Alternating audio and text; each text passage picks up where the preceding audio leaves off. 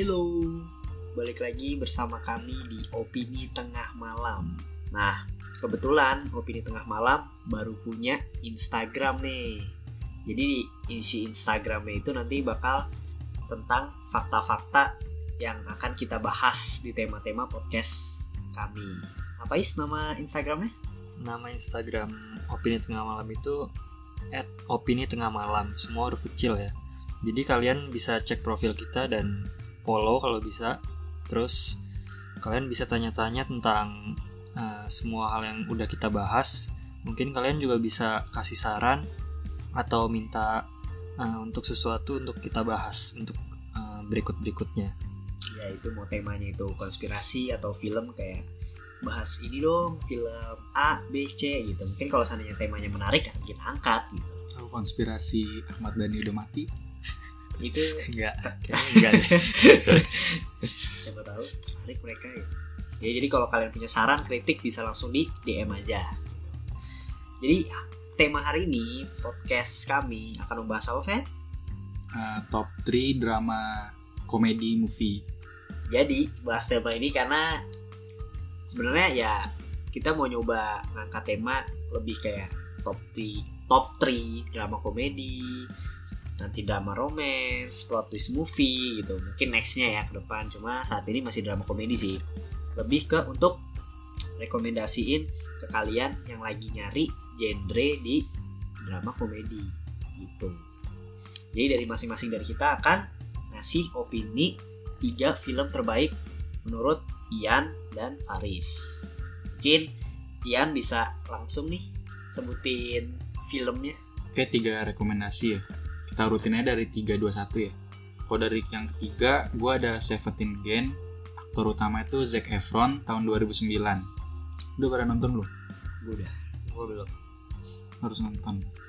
Gue kasih tahu nih sinopsisnya. Itu jadinya pada masa SMA tuh Mike O'Donnell yang diperanin sama Zac Efron terus ada Matthew Perry yang pas di masa dewasanya ini dia ini jago main basket dan udah ditawarin beasiswa gitulah karena jago main basketnya tapi dalam satu pertandingan yang penting buat si Mike ini pacarnya dateng dan kasih tahu kalau dia tuh hamil nah si Mike ini ambil keputusan besar buat jadi ayah bareng pacarnya dia tuh nggak ngambil beasiswanya Oke. ya jadi dia nolak gitu Nah 20 tahun kemudian tuh si Mike ini nyesel kenapa dulu dia nggak ambil beasiswa dan mungkin dia ngerasa hidupnya bakalan bisa lebih baik dibanding yang sekarang. Nah akhirnya tuh dia punya kesempatan buat balik Ke... ke umur dia yang 17 tahun lagi. Nah santai aku coba nonton sendiri deh. Jadi jadi tuh ah, apa ya yang membuat menarik menurut lu tuh apa?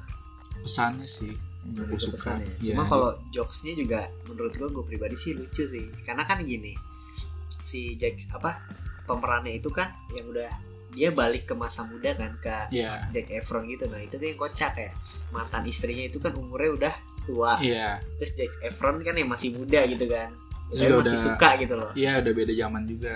Kan dia baliknya dia baliknya di masa sekarang ya, bukan balik ke pas 20 tahun yang lalu Iya, itu. jadi Tetap dia- bukan. Iya, timelinenya tetap di situ kan iya. oke ngerti gue jadi kayak beda gaya gitu. Dia datang ke sekolah masih pakaiannya tahun 90-an yang dia ngerasa ya terus keren. yang kocaknya lagi itu si Zac Efronnya masuk ke sekolah yang jadi bapaknya itu temennya sendiri kan sahabatnya. Nah iya. itu tuh kocak. Mending lu, lu nonton sendiri sih. Itu menurut gue kocak. Dia bisa kembali ke masa lalu itu gara-gara apa? sebenarnya gara-garanya sih kayak apa ya? Fik- fiksi. Fiksi sih. Iya jadi maksudnya nggak nggak terlalu dijelasin sih. Tiba-tiba gitu. iya dia ada- kayak gimana ya? Kayak ada- nyesel gitu lah ya. Pokoknya kayak nyesel terus kayak dikasih kesempatan lah. Iya buat Sama balik. alam Tiba-tiba- misalnya sama tiba-tiba alam. gitu. langsung kayak gitu.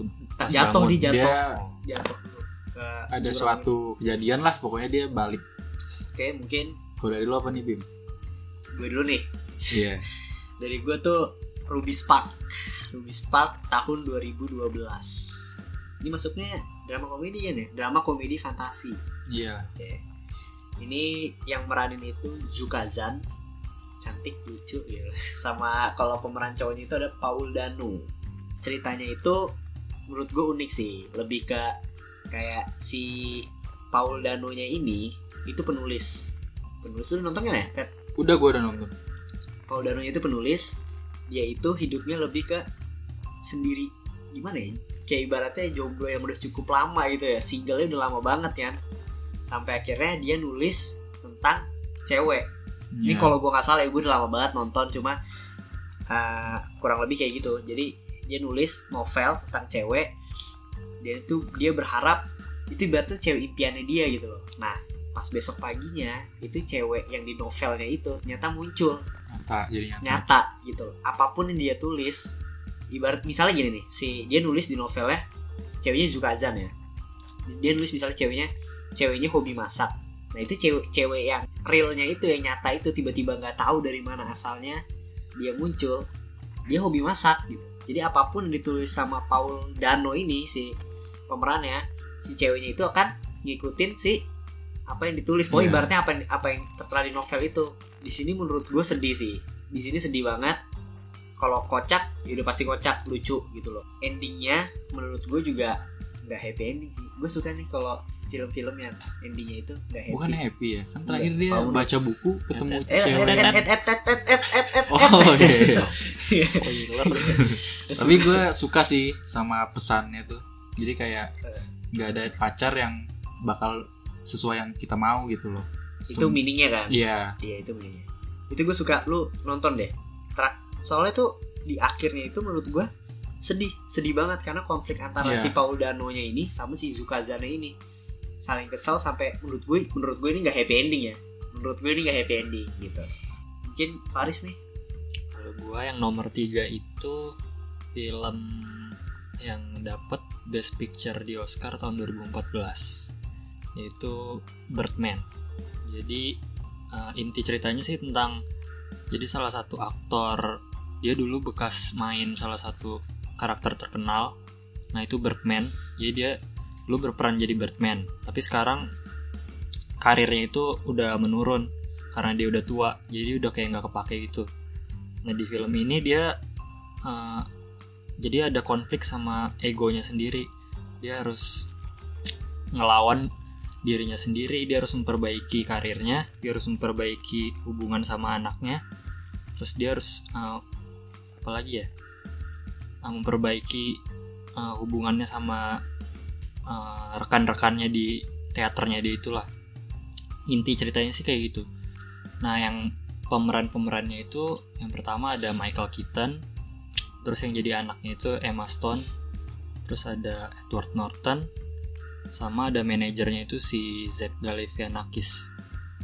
Gue sukanya karena eh, apa ya si sutradaranya ini sih.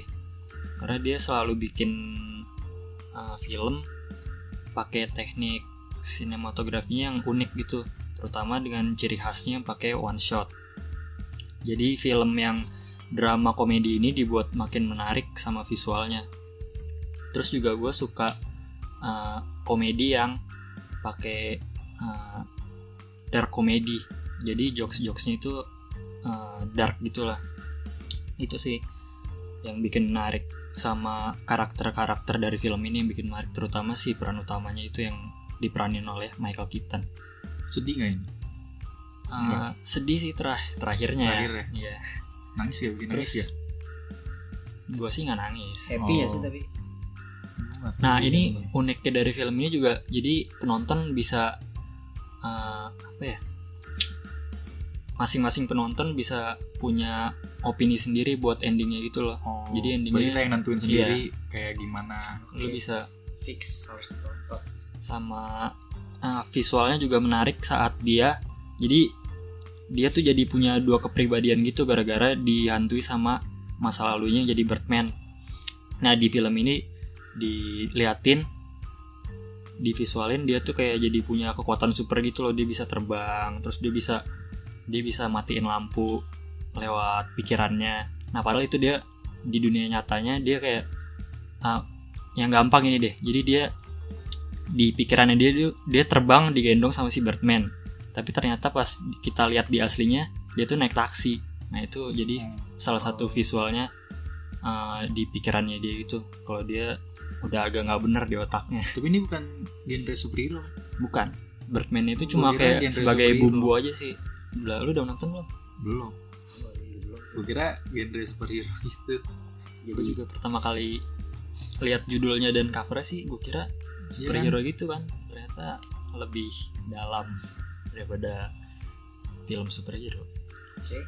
Mungkin film kedua dari gua. Oke. Film kedua drama komedi dari gua itu The Terminal. Udah pernah nonton belum? gue sih udah gue sudah The Terminal itu yang main Tom Hanks. Si banyak sih yang terkenal kayak Stanley Tucci, terus yang main Zu Saldana itu yang main jadi Guardian of Galaxy yang hijau itu loh, iya Gamora. di mana nih Gamora ya. ya apa sih Yang jadi Tiket ya? Iya tiket. tiket. Lomba tiket. Oh, ceritanya sinopsisnya ini ada si Tom Hanks ini dia dari negara apa namanya lupa lagi gua. si depannya kak skizofrenia pokoknya Itu dia, da- dia, dia, dia, dia dari negara gue lupa lah namanya sedikit ribet gitu loh dia ke Amerika dia ke Amerika dan ternyata pas dia nyampe sana visanya itu dibekuin karena negaranya dia lagi perang. Dia Hmm. harus tinggal di terminal itu. Yang jadi masalahnya itu dia nggak bisa bahasa Inggris. Gimana dia komunikasinya dia tinggal di sana? Ini yang menurut gue jadi konflik yang unik dan ngebuat ceritanya itu lucu. Ya bayangin aja kayak lu di terminal lu nggak bisa komunikasi. Gimana lu mau makan atau lu mau dan lain-lain melakukan aktivitas gitu loh. Nah ini menurut gue yang jadi yang jadi lucunya tuh di sini. Cuma balik lagi sih film ini menurut gue akhirnya itu gak happy ending. Menurut gue menurut gue pribadi. Ya bi- bisa dibilang sih happy happy happy aja sih. Cuma kan ibaratnya jadi si si si Tom Hanks ini dalam film The Terminal ini dia itu nggak cuma intinya kan di terminal nih dia kejebak ini selama bukan namanya doang di terminal tapi di bandara Eh, iya, gitu. oh iya, maksudnya di bandara. maksudnya ini di, di terminal ban- bandara ya. Maksudnya dia dia terjebak di bandara. Dia terjebak di bandara sama berapa hampir bulan kali ya. Sampai dia tuh kenal sama seluruh Iya, sama seluruh seluruh staffnya staffnya yang jualannya gitu. Terus dia suka akhirnya suka sama si cewek ini, cewek pramugari. Nah ini ini menurut gue yang komedinya ada, romansnya ada, dan menurut gue sedih sedih banget sih. Dan dia kan temenan sama kayak pegawai yang tukang sapu Iya. ada gitu. Lo harus ingetin yang namanya Gustav. Itu itu jagoan gue. itu yang mana ya Gustav lupa ya gua. orang India ya, yang orang India itu gitu. yang, yang tua Iya yang tua itu itu jagoan gue itu itu uh gitu loh. Gue harus nonton terakhirnya tuh menurut gue sangat menyentuh sih dari gue pribadi. Lo harus dia nonton. nggak dia nggak bisa balik ke kot negaranya itu atau Dia nggak bisa balik. apa dia nggak mau Dia nggak bisa. dia nggak bisa balik bisa kan balik. ya berarti dia kayak nge-stuck di situ kan Iya. Sama Jadi, yang bikin sedih tuh uh, kenapa dia tujuan dia ke Iya, Amerika betul. sebenarnya ya Hmm, iya karena nggak dikasih tahu di awalnya itu tujuannya aduh nyentuh banget sih.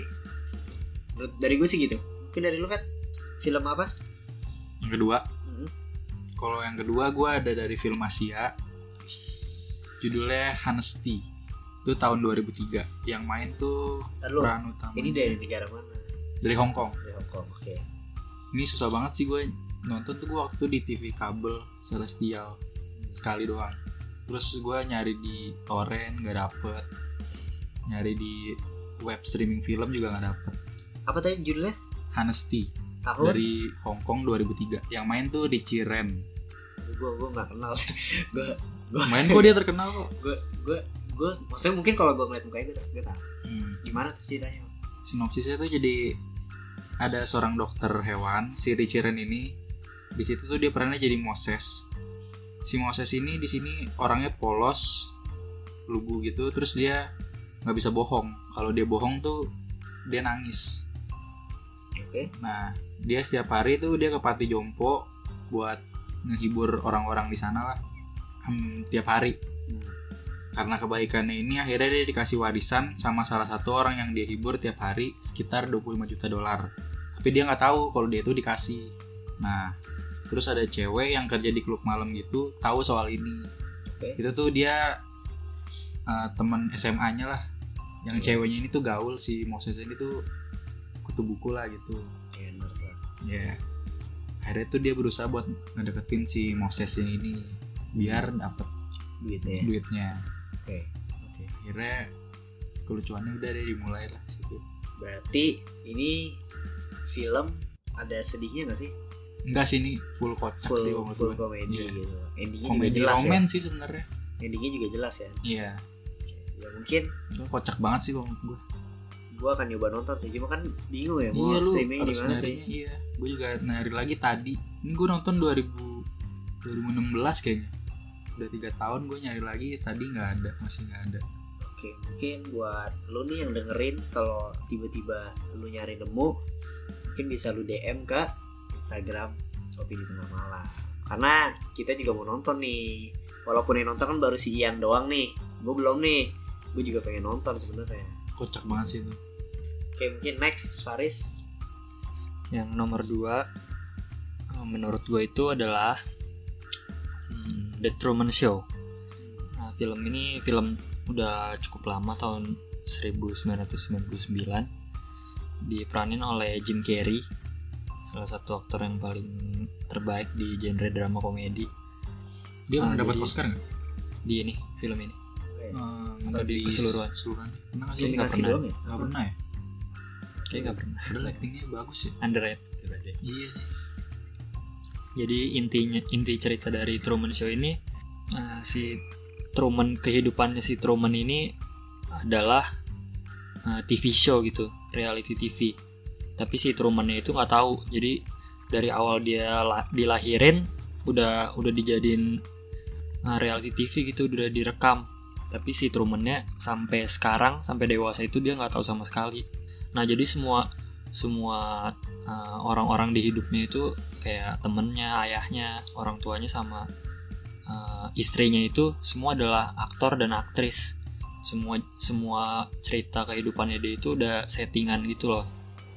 Nah sampai dia pengen deketin satu cewek aja yang dia mau, akhirnya uh, itu tuh digagalin sama sutradaranya.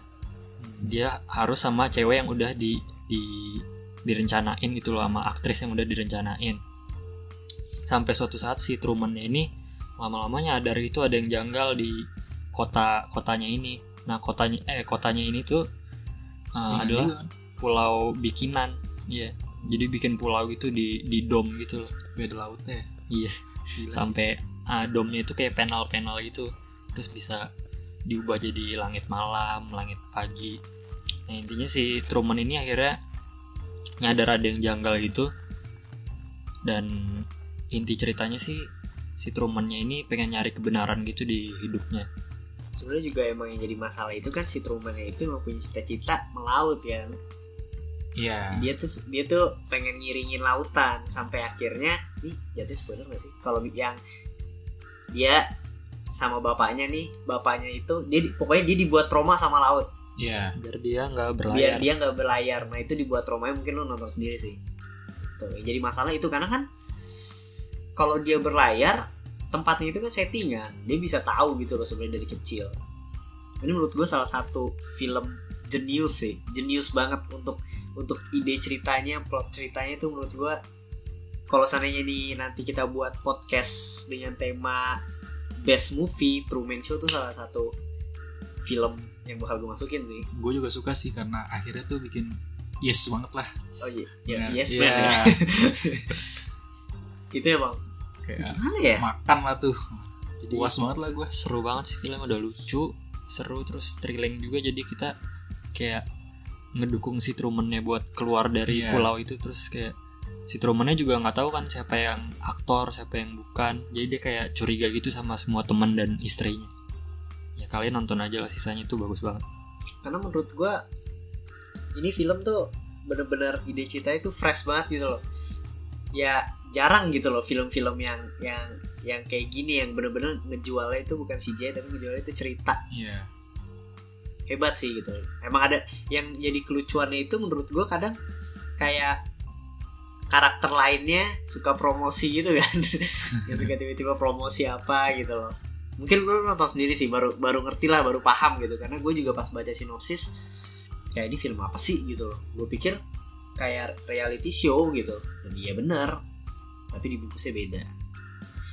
Mungkin nextnya gue gue lagi. Jadi film pertama menurut menurut gue drama komedi paling deh paling bener-bener buat gue nonton berkali-kali. Ini salah satu film yang gue tonton mungkin bisa dibilang lebih dari lima kali ya. Mungkin lebih lebih dari lima kali gue nonton ini. Judulnya itu Yes Man. Kayaknya udah pada nggak asing sih. Lu berdua juga pasti udah nonton gitu. Udah sih gue udah. Ya kan? Kayak yang lain juga yang dengerin juga pasti nonton. Jim Carrey lagi Jim Carrey lagi. Yang peranin Jim Carrey. emang gimana ya? Ekspresinya dia emang lucu sih. Lucu lucu banget ya. Dia tuh ekspresif banget ya kalau meranin karakter dia itu eh ini film ini tuh tahun 2008 balik lagi ceritanya itu menurut gua unik menarik Iya. gitu loh. Mena- menarik banget gitu loh. Lebih kalau ini gue lebih nonton karena mininya sih. Kayak pesan dari film ini. Khususnya nih buat lu, lu pada nih yang suka wacana lu nonton Yes Man deh. Sinopsisnya itu si Jim Carrey namanya meranin Carl Allen gue sebutin Jim Carrey aja lah namanya ribet. Jim Carrey itu dia cerai sama istrinya. Dia cerai sama istrinya semenjak cerai dia tuh orangnya jadi kayak apa ya menyendiri gitulah. Kayak sebenarnya belum kali ya? belum bukan introvert sih sebenarnya dia kan kayak lebih kayak nggak bisa nggak bisa move on gitu loh. Jadi menyendiri kayak diajak temennya hangout bareng kayak dia selalu bilang no gitu loh. Atau enggak teleponnya nggak diangkat gitu loh. temennya ini yang main yang merani tuh Bradley Cooper. Masih muda banget deh Bradley Cooper di sini. Di sini tuh menurut gua ceritanya itu tentang di mana si Jim Carrey-nya ini yang tadinya murung yang tadinya selalu ngomong no gitu loh. Jadi dia ngomong yes karena temennya yang ngajarin eh ngajak dia seminar yes man. Cuma di sini jadi konflik itu yang jadi lucu itu gitu loh. Dalam seminar itu kan intinya nyeritain kalau lu say yes ke semua ke apa pun lu bakal dapet ya kayak pokoknya intinya hal-hal hal bagus hal baik akan datengin lu gitu loh. Cuma si Jim Carrey ini lebih sa- lebih ke salah ngartiin gitu loh. Jadi apa di sini yang bikin lucu. Dia tuh selalu bilang ah, yes. Apa pun itu ya. apa pun itu yes. Sampai kayak di email dia kayak sorry nih misalnya. Alat pembesar kelamin terus dia yes gitu loh. Terus mau nikah sama gua gitu. Terus dia bilang yes gitu. Sampai dimintain uang kan sama Iya, sama- homeless. sama- sama homeless. Iya. habis habis Iya. nganterin lagi ya nganterin homeless ya. Iya.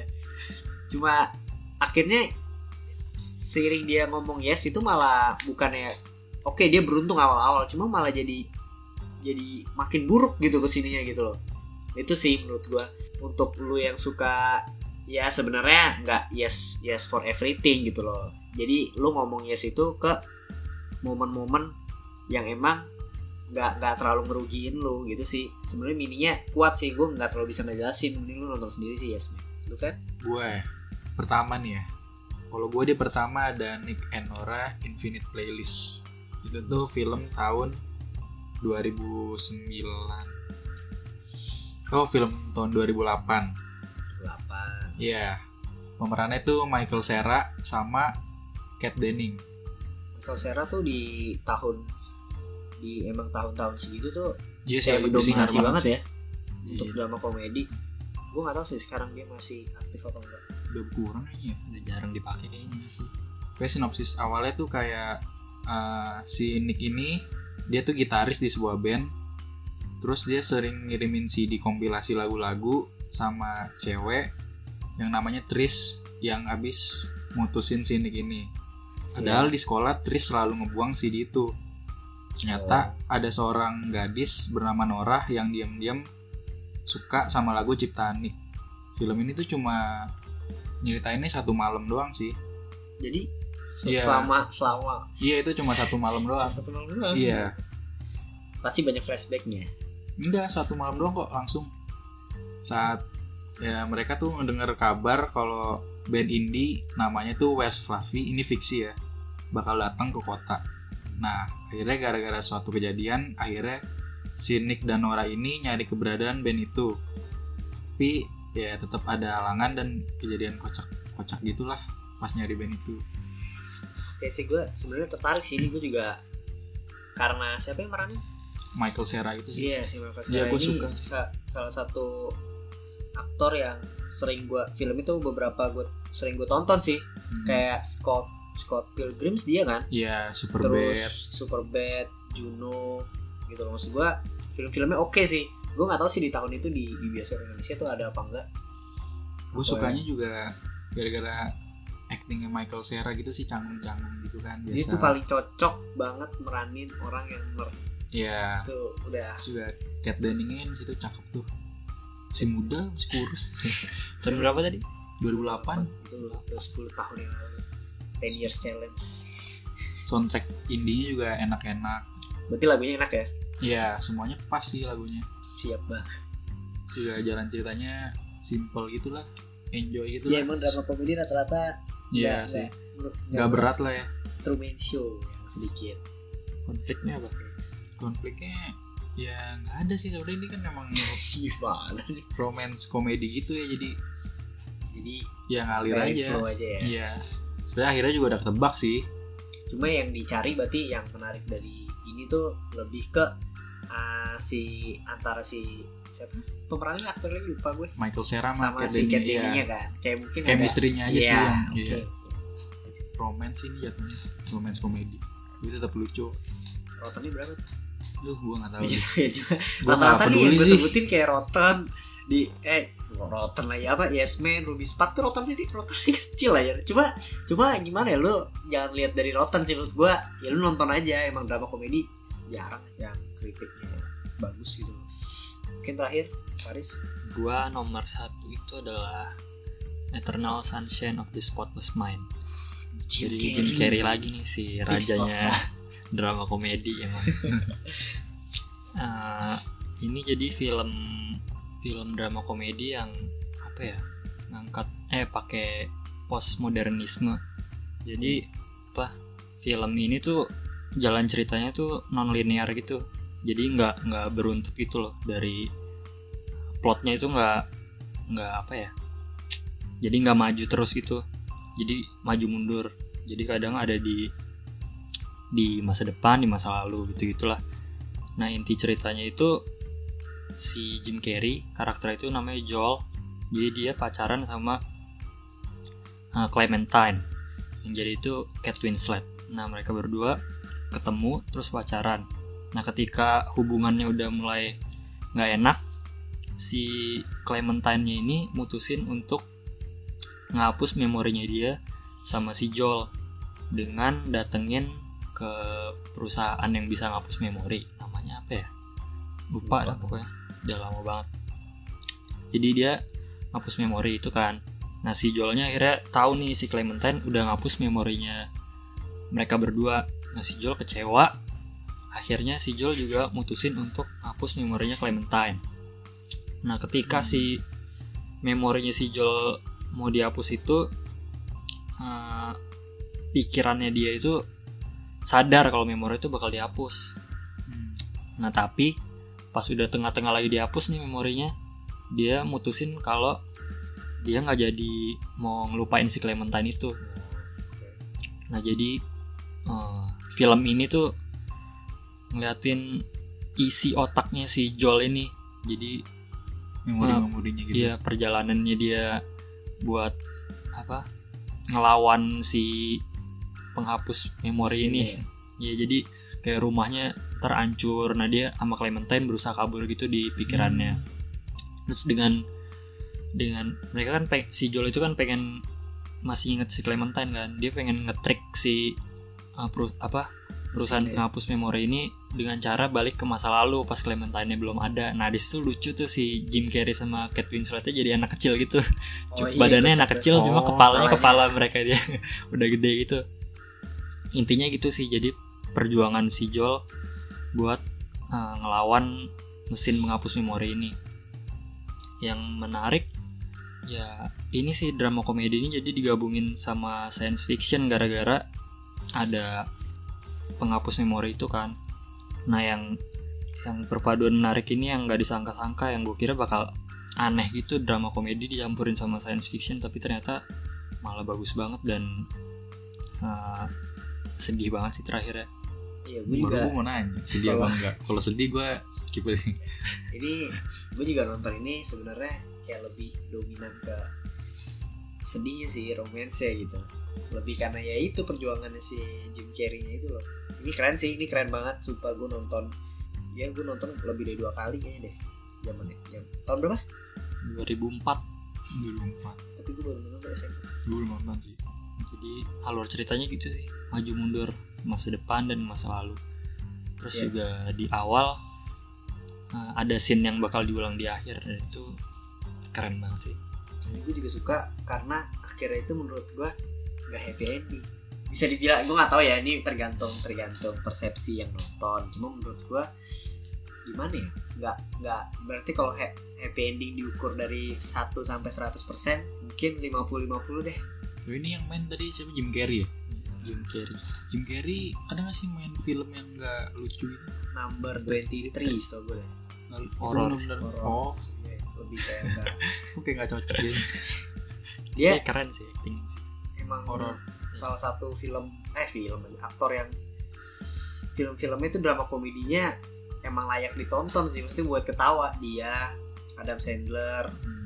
Sandler juga banyak sebenarnya cuma ya itu dari kami top 3 nya kalian bisa jadiin ini rekomendasi film kalian untuk nonton di genre drama komedi oke sekali lagi gue ingetin kalau lu punya kritik saran atau misalnya bahas film ini dong, film A dong, konspirasi A, B, C gitu. Lu bisa langsung DM ke Instagram opini tengah malam. dan mungkin kalau ya.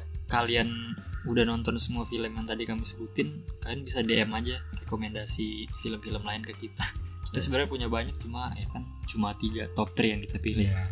terbaik lah Terus kalau juga kalian misalnya punya tahu nih film yang kira-kira lucu, terus ceritanya Iya. menarik, kalian boleh bisa tuh ya rekomendasiin ke kita rekomendasiin kita, kita nonton nanti kita angkat jadi tema. Gitu aja sih. Tetap terus dengerin opini tengah malam, jangan lupa follow Instagram kami dan bye bye. bye